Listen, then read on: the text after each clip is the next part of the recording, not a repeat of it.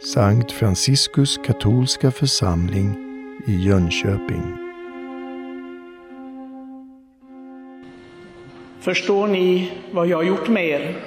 Det är den frågan som Herren ställer till sina lärjungar. Och den ekar ända till oss 2000 år efteråt. Förstår ni vad jag har gjort med er? Ja, förstår vi det? Det kanske ett sätt för Herren att skaka om oss den här påsken, för även i år så får vi uppleva en annorlunda påsk. Vi får inte samlas så fritt som vi är vana vid. Och det kanske är bra, det är säkerligen Herrens vilja, det ingår i, att, i alla fall i hans plan, att vi tänker till. Förstår ni vad jag har gjort med er? Förstår vi vad han gör med oss när han ger sig själv i sakramenten? När han förlåter oss i försoningens sakrament, när han helar oss och helgar oss i eukaristin, när han i de övriga sakramenten reser oss upp till en gudomlig härlighet för att vi ska leva i speciell kallelse, leva i hans efterföljd. Förstår vi vad han gör? Som präst så har jag många gånger kanske en känsla av att många kommer till kyrkan just av slentrian, ohejdad vana som man brukar säga. Man tar emot kommunionen och sen snabbt härifrån eller snabbt kommer man in i umgänget att prata med andra om allt möjligt och dricka sin kaffe när det nu serveras och så. Eller springa omkring till det som man nu ska göra. Gå i affärer eller vad det nu är. Förstår vi vad han har gjort med oss? Förr i tiden så var man mycket noga med att uppmana till tacksägelse efter kommunionen. Om vi, vi ska inte ha någon handuppräckning här, men om vi skulle så att säga, fråga Guds folk hur många ägnar sig åt tacksägelse efter kommunionen en rejäl stund. Och jag vet i min gamla bönbok så stod det, och det var den helige Alfons Maria de Ligori som hade skrivit den, jag inte på svenska förstås, men, men originalet, då stod det åtminstone en kvart. Stod det. Ägna åtminstone 15 minuter till att nu är Herren hos dig i din själ, i ditt hjärta, under sakramentens tecken. Förstår vi vad han gör med oss? Ibland så får man människor som säger att det är min rätt att få ta emot eukaristin. Det är min rättighet. Jag är katolik. Det finns ingen rättighet. Sakramenten är ingen rättighet. Du skriver inte in dig i kyrkan som i en klubb. Det finns absolut ingen rättighet att ta emot sakramenten. Utan det är nåd. Det är en ynnest, heter det på svenska. Är vi verkligen tacksamma för det? Ibland kanske det behövs en pandemi eller att man får stänga kyrkor och så för att vi ska förstå detta. Det är ingenting automatiskt. Det är inte som att gå till en, en snabbkedja, matsnabbkedja eller någonting. Jag beställer vid luckan till och med, jag behöver inte ens gå in i restaurangen utan jag kan få det vid luckan. Jag hörde till och med förslag nu när vi stänger våra kyrkor lite mer.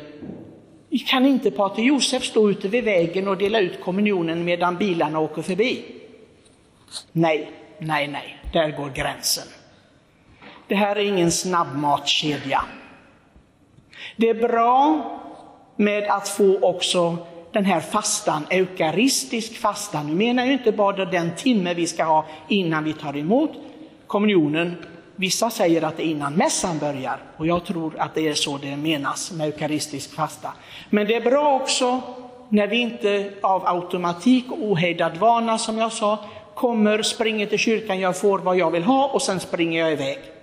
Och sen är det som ingenting hade hänt. Herrens fråga gäller än idag. Förstår vi vad han har gjort med oss? Förstår vi? Vi hör med sorg om saker och ting som inte fungerar i prästerskapet i världen. Präster som inte har förstått vad Herren har gjort med dem. Han har gett dem en gudomlig uppgift. Tänka sig Den helige kyrkoherden av Ars, Jean-Maria Vianney, han sa så här, försök ni att gå till den heliga jungfrun och se om hon kan förlåta era synder. Gå ni till änglarna och se om de kan ge er Kristi kropp och blod och förvandla bröd och vin. Det kan de inte. Men den enklaste, fattigaste, syndigaste prästen kan det. Så förklarade den helige kyrkoherden av Ars, en av de mest berömda kyrkoherdar i kyrkans historia. En präst kan det. Så tänk, det är inte att, att liksom förvånas över den helige Franciscus vördnad för prästerna. Han sa, om jag skulle gå på en väg och på ena sidan finns det en ängel och på den andra är det en fattig präst. Med fattig präst menar han inte med pengar, utan det är faktiskt fattig på dygder. Det är så han uttryckte sig. Det var fattigdomen för honom, riktiga fattigdom, den hemska fattigdomen. Att vara fattig på dygder, på helighet. Men om jag såg den ängel på ena sidan och prästen fattig på dygder på den andra, jag skulle först gå och hälsa prästen och kyssa hans händer och sedan skulle jag hälsa på ängeln. Ni förstår? Två personer från helt olika tider, men de hade förstått.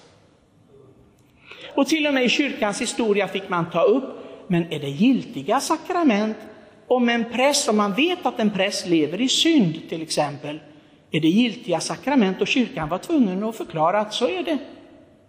Sakramenten är giltiga, naturligtvis prästen är skyldig för sin synd, men sakramenten är giltiga. Tänk vilken nåd!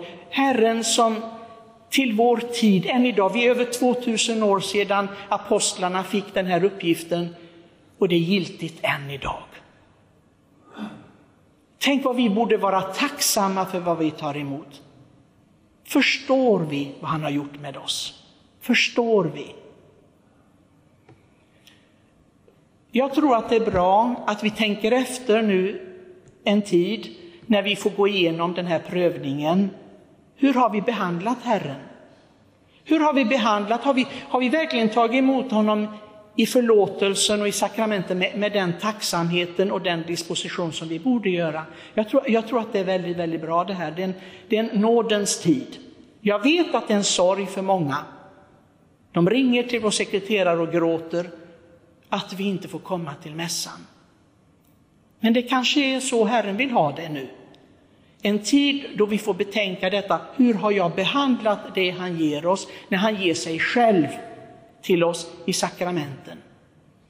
Och har vi kanske till och med kommit till kyrkan och säger, ah, måste jag gå den här, skulle jag inte, det kunde vara skönare att sova en stund till. Behöver man gå, verkligen gå till kyrkan varenda söndag? De som har haft de tankarna och nu måste stanna hemma, det kanske är en tankeställare. Att det är ingen automatik. Herren kanske inte låter oss ha kyrkor så lång tid till, det vet vi inte. Det, det är ingenting. Herren är inte förpliktad till att hålla kyrkor för oss eller ge oss sakramenten. Det är en ynnest, det är en nåd. Och det ska finnas kärlek. Finns inte kärleken och vi inte har den här liksom viljan att luta oss mot Herrens bröst och lyssna på vad han vill, så att det som han ger oss kan bära frukt. Ja, vad är det för mening då? Ska vi bli en förrädare kanske? Ska vi bli en förnekare? För det är de två saker som händer den afton också. Att förneka Herren, att förråda honom. Ska det kanske vara jag som gör detta? Petrus frågade, vem är det? Är det jag? Och Petrus själv, den främsta av apostlarna, ska bli den som förnekar att han ens känner Herren. Det är tragiskt och han fick gråta över det och kyrkan berättar det än idag. Så låt oss vara varsamma, låt oss vara försiktiga. Låt oss verkligen växa i den här kärleken och säga till Herren den här aftonen, Herre jag vill älska dig. Jag vill inte vara bland dem som förnekar dig eller förråder dig. Förråder dig, det gör vi genom att så att säga sälja dig för synden. Att vi hellre vill synda, vi hellre vill leva utanför din gemenskap än med dig. Men sen när vi tröttnar på synden, då kommer vi tillbaka. Det är verkligen att sälja Herren, att förråda honom.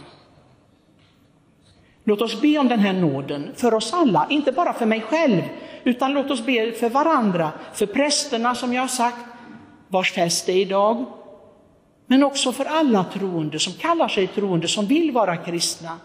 För de som går där ute och längtar efter, de vet inte vad det är de längtar efter, men de längtar efter livets mening. Och vi vet att det är Jesus Kristus.